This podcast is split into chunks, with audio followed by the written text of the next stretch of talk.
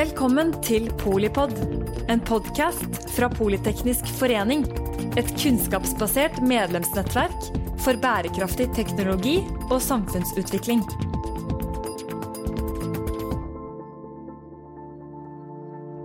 Velkomne til eh, Polipod og denne mm, viktige og spennende episoden om eh, polarisering, medier og makt.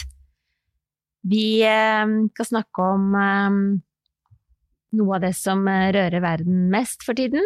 Og til å hjelpe oss med å forstå litt bedre, så har vi med oss eh, Ingvild Næss, som er direktør for personvern og datatrender i Skipsted. Vi har med oss Arne Sandnes Bjørnstad, som er eh, toppdiplomat i UD, og nå spesialrepresentant for Vest-Balkan.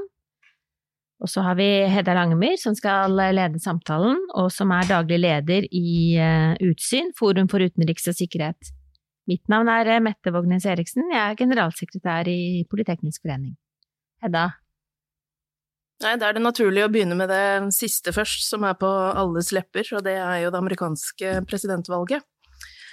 I forbindelse med valget så har vi sett at både leveringsplattformer som Facebook og Twitter har sensurert innhold fra presidenten og en rekke andre.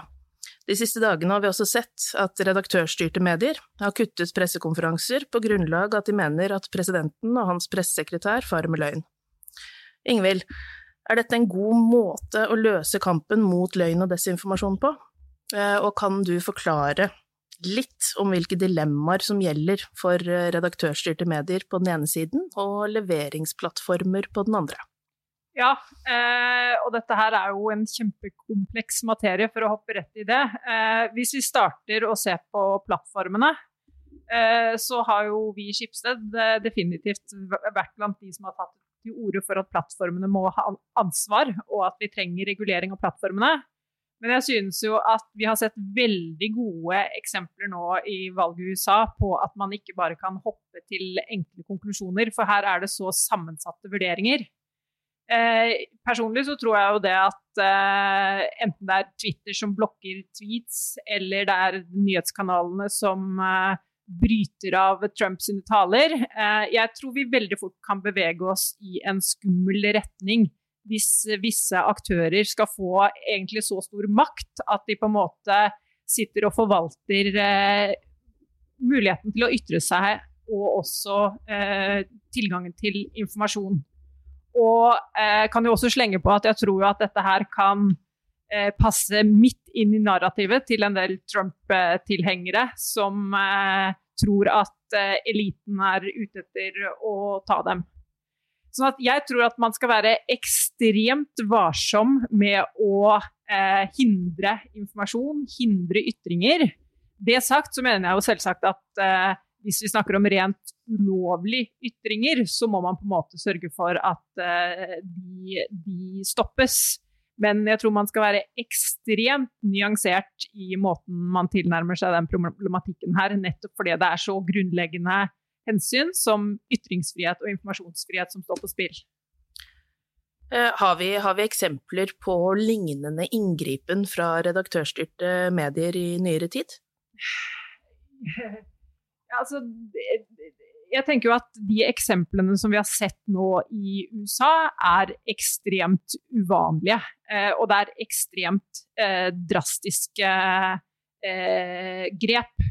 Samtidig så tenker jeg jo at det viser jo virkelig på en måte det der dilemmaet som også redaktørstyrte medier har, som handler om i hvilken grad skal man på en måte bare eh, videreformidle ting, versus forsøke å sette, sette dagsorden. Som er en sånn viktig balansegang som redaktører eh, må, må, ha med seg.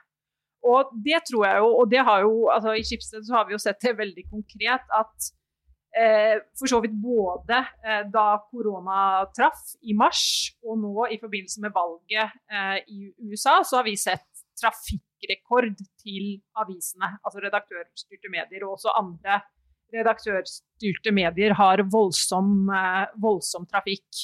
Og det viser jo at det er eh, et eh, hig der ute etter å på en måte ha steder å gå til og få på en måte informasjon.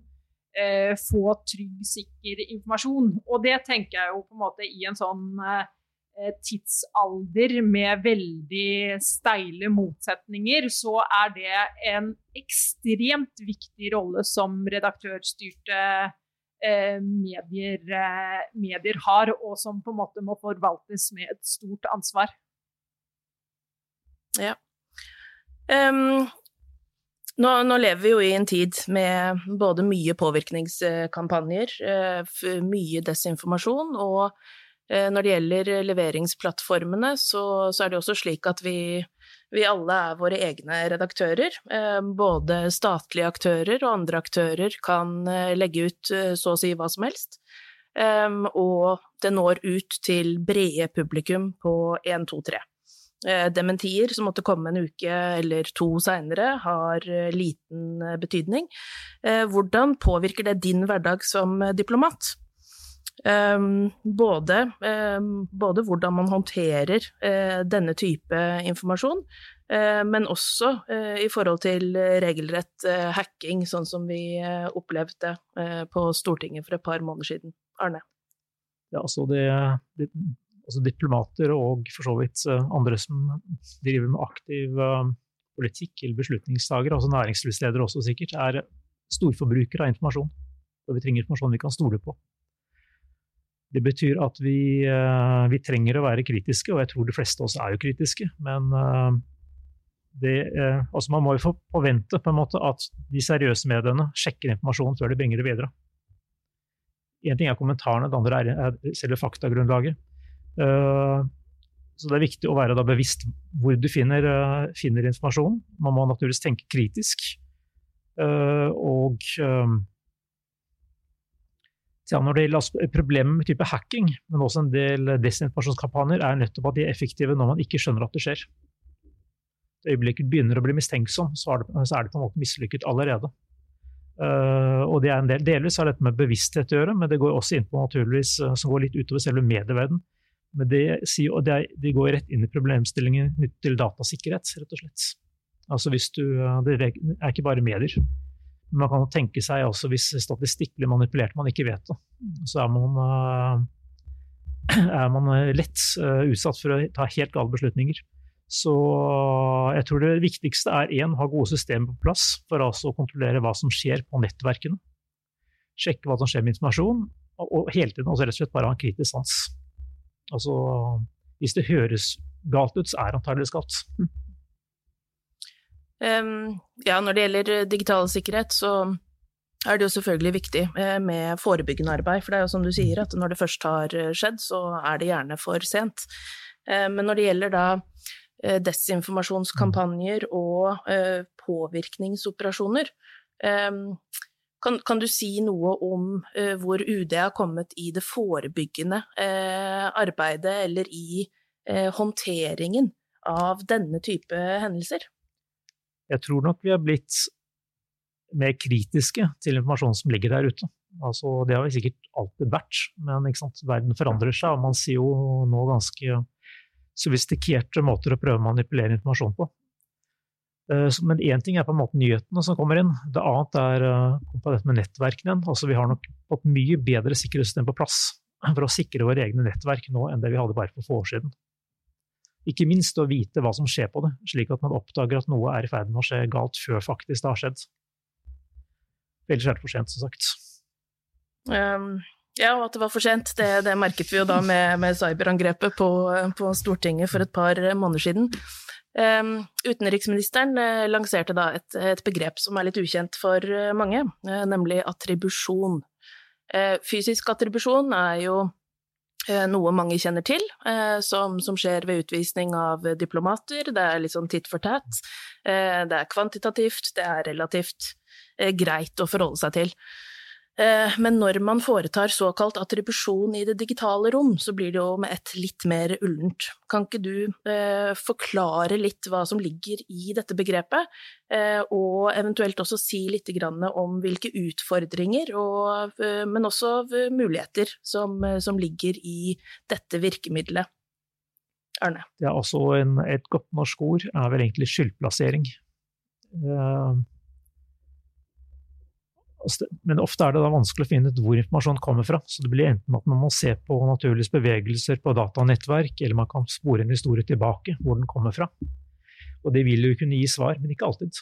Så ofte egentlig, eh, ofte vet man ikke, og man tar jo ikke og gir en offentlig eh, skyldplassering hvis man ikke vet nesten helt sikkert hvem som står bak. Og dessverre er det ikke så rent sjeldent. Man bare konstaterer at dette er ikke riktig. Man kan gjette seg til hvem det er, man kan se visse mønstre som tyder på hvor det kommer fra, men man vil da ikke gå ut og si det. Eh, så det skal, eh, det skal veldig klare holdpunkter før man går ut offentlig og sier at eh, det og det landet eller den aktøren står bak. Når det er sagt, så har man jo dialog med andre land som er i samme situasjon, så man vil ofte kunne få hjelp fra de også. Eh, men det er ikke lett. Altså det ene at det påvirker forholdet til det landet. Altså det er ingen som liker å bli beskyldt for å manipulere informasjon eller fare med løgn. Det er liksom det ene. Det andre er at det kan jo også ha konsekvenser innenriks. Altså det er heller ingen i et land som ønsker å bli fortalt at du er blitt manipulert. I Sverige var det en sak hvor altså det svenske utenrikspolitiske instituttet analyserte noen desinformasjonskampanjer og brukte et spesielt mediehus som eksempel. og Det likte åpenbart ikke dette mediehuset veldig godt, så det kan jeg egentlig skjønne. Eh, det, det endrer ikke på sannheten. Men sant, det har den typen konsekvenser også. Så man skal egentlig være ganske forsiktig. Og man, uh, man bør i hvert fall ikke gå ut med ting før man er helt 100% sikker. Ja, Ingvild? Ja, altså, og der tenker jeg jo at selvsagt har redaktørstyrte medier en kjempeviktig rolle å bli mye bedre på kildekritikk og sørge for å på en måte opplyse samfunnsdebatten. Men jeg tenker noe som også er et dilemma i bakgrunnen her, det er jo at sant, etter hvert så ser vi undersøkelser som faktisk viser at det er en ganske stor del av befolkningen som ikke er så opptatt av hva som er fakta og ikke. Eh, og eh, sant, vi kjenner jo alle til også liksom, hvordan algoritmene på, på plattformene virker. Hvis du søker på noe, så får du forslag til noe stadig mer på en måte ekstremt eh, for neste gang. Det er sånn det rett og slett funker. Så det er jo en ekstremt krevende tid å, å navigere i dette her. Altså, til det så vil jeg bare skynde meg også å legge på at altså, jeg tenker jo at teknologien gir jo eh, definitivt utfordringer her, men, men også eh, muligheter. For altså, teknologien kan definitivt misbrukes og bidra til å forsterke og skape filterbobler og ekkokamre. Men jeg tenker at, altså For å ta et veldig sånn banalt eksempel. Da, I Aftenposten så har vi nå begynt med en eh, personalisert forside. Som betyr at en person som er inne to ganger per dag, får en annen forside enn en person som er inne to ganger per uke. Og Det handler rett og slett om Vi bruker redaktørstyrte algoritmer som handler om da at redaktøren eh, Du skal ikke bare få de nyhetene du er spesielt interessert i, men også få med deg det viktigste som har skjedd i samfunnet. Eh, sånn at teknologien kan misbrukes, men det finnes også muligheter i teknologien til å bruke den og på en måte sørge for at folk blir opplyst. Så jeg tenker at liksom, essensen her er jo at det ligger et voldsomt ansvar i å bruke teknologien på en, på en god måte. Um, ja, du har den Nei, eh, altså kommentaren. det, det, ene er teknologi, det andre er rett og slett psykologi. altså Sånne tre for prisen av to er liksom tilbud som ofte er veldig effektive. og Problemet er at man ofte har nyhetshistorier. altså hvis, folk, hvis du kan klare å sette sammen eh, to fakta som gir en historie som høres liksom som det naturlige resultatet av de to, eh, og som samsvarer med hva folk faktisk grunnleggende tror, så, klart, så kan du lett skape egentlig, eller bygge opp under uh, altså rett og slett uh, Eh, flotte narrativer, altså historier, som, eh, som eh, er konspirasjoner eller det som verre er. Altså, og jeg tror det er noe problemet med mediene i dag, at det blir, det blir mange enkelthistorier som kommer ut, som ikke er sjekket etter. De settes litt sammen. Noen ganger kan man, hvis man vil manipulere, så kan man bruke autoriteter, eksperter av forskjellig slag. Det ser man jo for en del eh, desimasjonskampanjer, at man kan alltid finne en eller annen autoritet til å kommentere noe. Og selv om man ikke sier at det er helt sant, så gir det faktum at vedkommende sier noe om det, vil gi en plass til et seriøst medium. Og så har man eh, brakt det høyt på et høyere plan. Og da har både folk en personlig eh, ansvar i stans av å ha kritisk sans, rett og slett. Ikke minst de som har autoritet, eh, altså en autoritet. De bør tenke seg litt om før de kommenterer ting. Men det andre er naturligvis mediene, når de bringer dette videre. Så er det jo, som du sier, altså da denne psykologiske eh, komponenten, at vi, vi, alle har en hang til å eh, ja, til å både oppsøke altså mm. selvbekreftende eh, kilder, ting som støtter på en måte våre opprinnelige meninger i en eh, sak. Og, og finne sammenhenger. Og å finne sammenhenger. Ja. Og sånn sett så kan man jo si da at eh, sant, propaganda er jo er jo ikke ren desinformasjon, det er ikke ren løgn, men det er informasjon hvor man unnlater eh, å tilføre mm. eh, en del perspektiver som kunne ha eh, nyansert eh, historien. Ingvild? Ja, altså jeg er helt enig i det. Og så tenker jeg at det er nyanser i dette her òg. Altså hvis vi bare ser på vårt eget land og Sverige, så er det også et eller annet med å klare å fange opp hva som eh, foregår holdt jeg på å si, blant folk flest i samfunnet. Altså Hvis vi ser på Sverige, Sverigedemokraterna, eller i Norge, Bompengepartiet Ingen som egentlig virkelig klarte å fange opp hvor store de var i ferd med å bli. Så jeg tror at liksom, vi må også være det er veldig lett å på en måte se de veldig store dramatiske eh, hendelsene som foregår. Men det er også på en måte noe med det å liksom være tett nok på pulsen til, til, folket. Det tror jeg er en kjempeviktig oppgave for eh, mediene fremover. Um, et spørsmål eh, til deg, Arne. Um, vi, altså, vi, snakker om uh, narrativer, vi snakker om uh, propaganda, vi snakker om uh, ja, det som man i, på forsvarsspråket vil kalle strategisk kommunikasjon. Um, er vi flinke nok, um, sett fra myndighetenes side, til å ikke ha de ideologiske slagsidene som vi beskylder andre for å ha? Har vi, har vi noen utfordringer der? Flinke, ja. Flinke nok. Det er uh, hva som er nok et uh, spørsmål. Uh, altså, vi har jo alle våre preferanser og våre, vårt utgangspunkt, vårt perspektiv.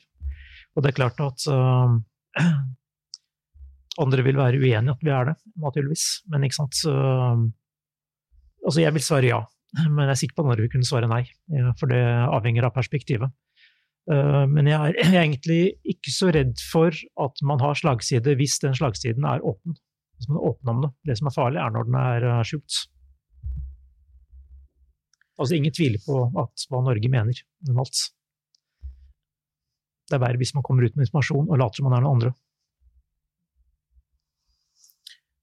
Nei, politikk må både altså forstås og må gjøres. Um med en aktiv tilnærming til de nye medieplattformene og alle utfordringene som ligger i kjølvannet av ny teknologi. Eh, hvordan vil du si at eh, utenrikspolitiske norske myndigheter forholder seg til dette? Eh, et, et nylig eksempel er jo da den russiske ambassaden nylig la ut en oppdatering på Facebook med ja, en, en, ganske kraftig slagside og en ganske skarp eh, kritikk av, eh, av, Norges eh, handlinger, Norges eh, opprustning etc. Eh, hvordan, hvordan, forholder diplomatene seg til dette når diplomatiet ikke lenger foregår bak eh, lukkede dører, ikke lenger foregår i disse én-til-én-møtene, eh, hvor man i større grad både regulerer og kan kontrollere eh, informasjonsformidlingen, men at eh, det gjerne kan komme litt bardust på nettopp på en sosial medieplattform. Eh, hvordan, hvordan, besvares dette? og oppfølging til deg da, Ingvild, etterpå, er altså hvordan forholder redaktørstyrte medier seg til dette? og hvordan eh, bør de eh, forholde seg til dette? Men eh, først deg, Arne. Akkurat den saken du nevner har ikke jeg vært direkte involvert i, men normalt så vil man jo da måtte være komme fort ut med sin egen versjon. Fordi slik medieverdenen er i dag, så Altså den, den, som kommer ut med påstand, setter agendaen, rett og slett. Og uh, du har ikke veldig mange minutter før den historien på en måte er satt, rett og slett. Uh, så utfordringen for UD og diplomati generelt, sikkert for bedrifter, sant, er å være veldig kjapt ute og korrigere den typen informasjon. Men man er jo også avhengig av eh, medieplattformene som da tar opp dette i første runde, at de faktisk da informerer om at det kommer noe som man skal kommentere på, før man plutselig ser på forsiden i en avis. I dag gjør man det naturligvis eh, i løpet av noen minutter for, 10-20 år siden så var det liksom, gikk det døgn, og så måtte man respondere så gikk det døgn før svaret kom. Så egentlig på en måte er man bedre er det lettere å kunne forsvare seg i dag, men, men volumet er så mye større. Man har så veldig kort tid på å egentlig respondere. Og det er, en, det er en utfordring, for jeg tror altså De fleste diplomatier er ikke sammensatt egentlig for det, rett og slett. Det er vel egentlig det som må innrømme.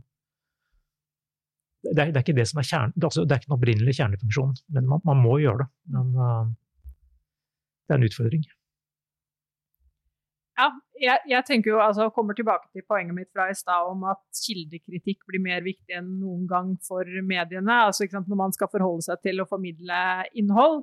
Samtidig så tenker jeg jo at det er jo noe veldig positivt altså fra et medieperspektiv og et opplysningsperspektiv når ting er mer åpent tilgjengelig og kan ettergås og debatteres. Det er jo på en måte den positive eh, siden av det. Men klart at da stilles det jo virkelig krav til at man er nøye med å følge med på hvilke kilder man bruker og hva man kan ta de for, og har det som på en måte noen klare premisser i informasjonsformidlingen og debatten man har.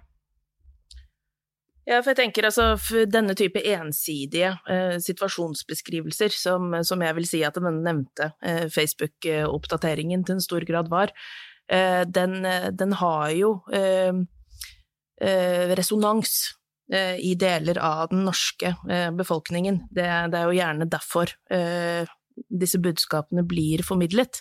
Og det er jo heller ikke sånn at det er ren løgn, eller at det er ren desinformasjon, men det er en, på en måte en bit av virkeligheten og en bit av sannheten.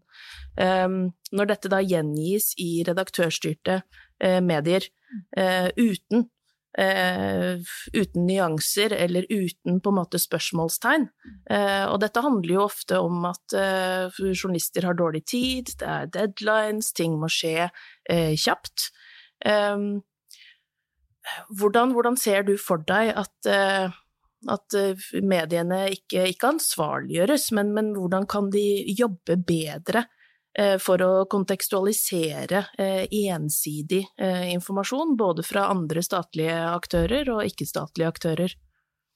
Ja, altså jeg tenker at uh, igjen være kritisk med hvilke kilder man bruker, hva man kan ta de for, få fram forskjellige stemmer.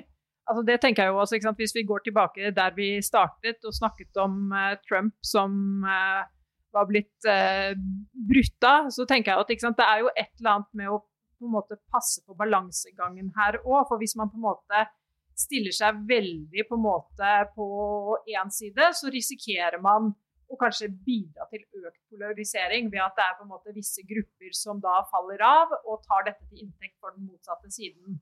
Så jeg tenker jo at liksom mer enn noen gang så er den derre nyanserte eh, formidlingen av informasjon, der ulike stemmer kommer til, eh, til orde, og der man er kritisk med, med, kildene og hva man kan ta de for. Altså, det er kjempeviktig. Vi ser det veldig i USA, men også her hjemme er det kjempeviktig. Eh, samtidig så skal jo eh, mediene være, de skal være uavhengige, de skal være uhildet. Eh, norske medier skal jo heller ikke på en måte eh, eh konspirere verken med UD eller med Forsvaret eller med justis på det som har med, med narrativer og informasjonsformidling å gjøre. Men av og til så kan jo disse tingene være litt sammenfallende.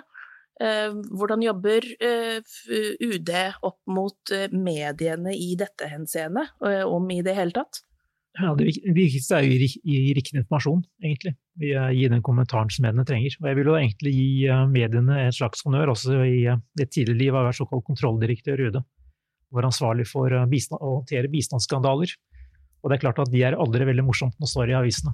Men de var også på den tiden så var det sånn omtrent hver tredje måned så hadde vi en ny bistandsskandale. Men det var nesten aldri mulig å ta norske aviser i feil i det de skrev, for de gjorde en god jobb. Og de ringte gjerne opptil to-tre ganger for å liksom sjekke er det riktig. Og vi kunne jo ikke si vi ikke gal informasjon, så vi svarte jo det som var sant. Og det ble ikke en veldig god historie ut av det for, for UD, men ikke sant, poenget er at det var riktig. Og jeg er mye mer redd for den typen nyhetsstoff som man nå ser knyttet til altså, typiske valg i USA, landsteder hvor ting går veldig fort. Fordi man tar seg ikke tid til å ta liksom, Journalistene ringer ikke og ber om kommentarer og sjekker etter. Eller man må sjekke et annet land, og det er litt for vanskelig. Og da er nok risikoen mye større for at det blir feilinformasjon. Og det er ikke egentlig villet, det er bare at tidspresset uh, gjør det slik. Mm. Men jeg tenker at altså, mediene og de redaktørstørte mediene vil jo virkelig på en måte mene at her har vi en kjempeviktig rolle. Eh, et eh, eksempel fra et annet område vi kunne trukket frem, er på en måte korona. Og hvordan norske myndigheter har satt i gang ulike tiltak. Og hvordan da på en måte mediene har ønsket informasjon, få se på en måte de underliggende vurderingene og kunne ha en debatt rundt det. Og det tenker jeg jo på en måte, ikke sant, Man kan jo definitivt i en sånn krisesituasjon som det vi har vært i nå, eh, forstå at, eh, at, i utgangspunktet vil vi nå på en måte ha fullt fokus på å gjennomføre tiltakene, få kontroll over krisen. Men der vil jo definitivt mediene mene at mediene spiller en kjempeviktig rolle i å på en måte holde den, den debatten i gang, stille spørsmål. Så det gjelder mange områder, men dette er kjempeviktig. Altså, det er helt enig. Mm. Altså, med hele poenget er rett og slett å passe på at informasjonen man bringer videre er sann eller basert på fakta. Og det er der er litt bekymret for enkle nyhetshistorier, hvor altså det er for vanskelig å sjekke informasjon, og det er tidspress, så blir det feil. ikke sant? Og det, det er egentlig dessverre normalt. Jeg syns norske medier, i hvert fall eh, de som er, har en, en, redaktør, de gjør stort sett en uh, veldig god jobb på det. Men det er klart at det er en vanskelig verden uh, å styre informasjon hvor ting skjer veldig fort. Og Utfordringen er nok mye mer knyttet til den type medier som, altså type historier som folk bare deler seg mellom, på Facebook og andre steder. Altså Utfordringen er mye større der. Men det hindrer ikke at uh, store, seriøse mediehus kan også ha glipper. Så hva, hva er det dere tenker at, at vi kan lære av altså pandemien og eh, samspillet mellom myndigheter og eh, medier? Ja, altså jeg tenker vel at uh, vi nå virkelig på en måte har sett hvilken viktig rolle mediene har, og at det er et ansvar mediene virkelig må, må forvalte. Og jeg tror jo også at uh, i, i, Norge så er vi på en måte Vi ser tendenser til polarisering, men vi er på en måte langt fra den situasjonen man har i, eh, i f.eks. USA, og for så vidt andre land også, som vi ser etter hvert. Så jeg tror det at sant, det, den muligheten vi fremdeles har øh, Vi er i en krise. Det kan kanskje bli tøffe, tøffe år foran oss i kjølvannet av krisen. Jeg tenker at for så vidt mediene, og man kunne kanskje sagt kulturlivet litt bredere også. Vi har en kjempeviktig oppgave i å sørge for at vi på et eller annet vis klarer å samle oss rundt et felles leirbål. Ha en felles opplyst eh, samtale. Sørge for at vi på en måte lever i en mest mulig eh, samme virkelighet. Og unngå at vi liksom ender opp i en situasjon med, med, med parallelle virkeligheter. Eh, og der, der tenker jo jeg at Eh, mediene, og spesielt da redaktørstyrte medier, eh, har en nøkkelrolle i å sørge for at vi holder den samtalen i gang. Altså, jeg er helt enig. Eh, og det er viktig at de gjerne seriøse mediene klarer også å beholde kontakten med holdt på å si, bakken, de som eh, lett faller eh, av hvis man blir for seriøse og litt for lange setninger og litt for lange artikler. Også, ene, man har to typer polarisering. Man kan tenke seg at Det ene er polarisering basert på meninger, og det andre er egentlig en type polarisering basert på hvilke type medier du egentlig leser. Og så er du villig til å lese lange artikler med analyse, eller vil du bare ha overskriftene. ikke sant? Og det er viktig at de seriøse mediene, som har si noe, kontrollert, har også faktasjekket informasjon. De når både uh, alle i befolkningen, uh, i betydningen altså helt uavhengig av hva de mener politisk, men også at det både når folk flest og beslutningstakerne. Og beslutningstakerne bruker den informasjonen til å treffe beslutninger. Og velgerne trenger jo den beslutningen både til å naturligvis ha de riktige valgene i hverdagen, men også egentlig å ha en riktig oppfatning av hva som skjer i samfunnet rundt seg mer generelt. Altså, vi trenger opplyste borgere, men vi trenger også mediene for faktisk for uh, de som skal treffe beslutningene. Men nå ser vi jo også at um, grunnet mye av økonomikrisen i, i medieverden, så, så, får vi jo langt flere plussaker og langt flere saker som, som legges bak betalingsmur. Eh, når det gjelder eh, alternative medier og, og en rekke andre måte, nettsteder som eh, formidler både informasjon og, og desinformasjon, så, så, er det ofte informasjon som er tilgjengelig for alle. Påvirker dette i noe grad spredningen av sterke ideologiske narrativer, og, og er, det, er det noen løsning på det? Ingvild? Uh, ja, jeg vet ikke om man på en måte kan, kan uh, trekke det så langt, men klart at sant, det, er, uh, det, er, helt klart sånn at private medieselskaper er avhengige av å få penger inn og må finansiere journalistikken. Altså å lage god journalistikk eh, koster. Og så er det da på en måte en, en balansegang som redaktørene er ansvarlig for. Hvordan, eh, hvordan, man klarer å få det til. Eh, hva som ligger åpent, og hva som ligger bak en, en eh, betalingsmur. Men jeg tror ikke at man kan si at, at vi er der at eh, på en måte betalingsmur eller ikke spiller inn i hvordan samfunnet polariseres. Altså det, dette er et argument for at man har en eh, type rikskringkaster for øvrig, som er gratis, som gir informasjon til alle, som er seriøs og, eh, og er gratis. Eller vil si alle har lik tilgang til den uten betalt for hver enkelt historie.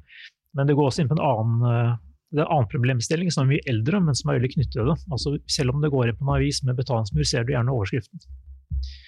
Og det er ikke alltid overskriften og resten av artikkelen har særlig mye med hverandre å gjøre. Og det er i hvert fall veldig ofte at overskriften er ganske misvisende hva står lenger ned, og det er en annen utfordring, fordi veldig mange nå, kanskje enda mer enn før, ser bare overskriftene. Og der har redaktøren naturlig ansvar i, i, de, i den grad dette er på redaktørstyrte medier enig. Altså, der har de et ansvar. Så tenker jeg også at der ligger det også muligheter. Altså ikke mm. bare et uh, konkret eksempel hvordan VG har tatt av på Snapchat med å formidle nyheter til unge. Mm. Jeg tenker at igjen, definitivt uh, et ansvar man skal forvalte, men det ligger også på en måte muligheter i dette her til å faktisk trenge gjennom og unngå det som du var innom i stad. At dette er på en måte bare nyheter for mm eliten. Så dette her er jo noe av eh, jobben til redaktørene å klare å trenge gjennom på en eh, god nok og balansert måte. Ja, da kommer vi jo inne på det, det som du snakket om, Arne, altså med, med clickbait og sensasjonelle eh, overskrifter, og at det ikke nødvendigvis alltid eh, henger sammen med, med, resten av teksten. Eh, da kommer man jo også inn på det økonomiske i dette, at eh, mediehusene trenger selvfølgelig å få hjulene til å gå eh, rundt. Her er det sterke markedskrefter i spill. Og det finnes også mange aktører som tjener på splittelser og tjener på polariseringen, både økonomisk og politisk. Men det får være opp til en oppfølgingspodkast å gå dypere inn i, for nå har jeg fått beskjed om at tiden vår er ute. Hjertelig takk, eh, Hedda Langemyr, daglig leder eh, Utsyn, Forum for utenriks og sikkerhet. Takk til Arne Sandnes Bjørnstad, toppdiplomat i UD, nå spesialrepresentant for eh, Vest-Balkan. Takk til Ingvild Næss, direktør for personvern og datatrender i Skipsted. Tusen takk til deg som hører på Polipod. Jeg tenker at du er ikke typen som lar deg hjernevaske. Du tenker sjæl, og, og, det er sånn vi vil ha det her. Kunnskap eh, er makt. Nå eh, blir det litt grann mer um, Litt grann mindre polarisering og litt grann mer dialog. Takk for at du lyttet til Polipod fra Politeknisk forening. Få med deg flere episoder, eller bli med på nettverksmøtene som du finner på at polyteknisk.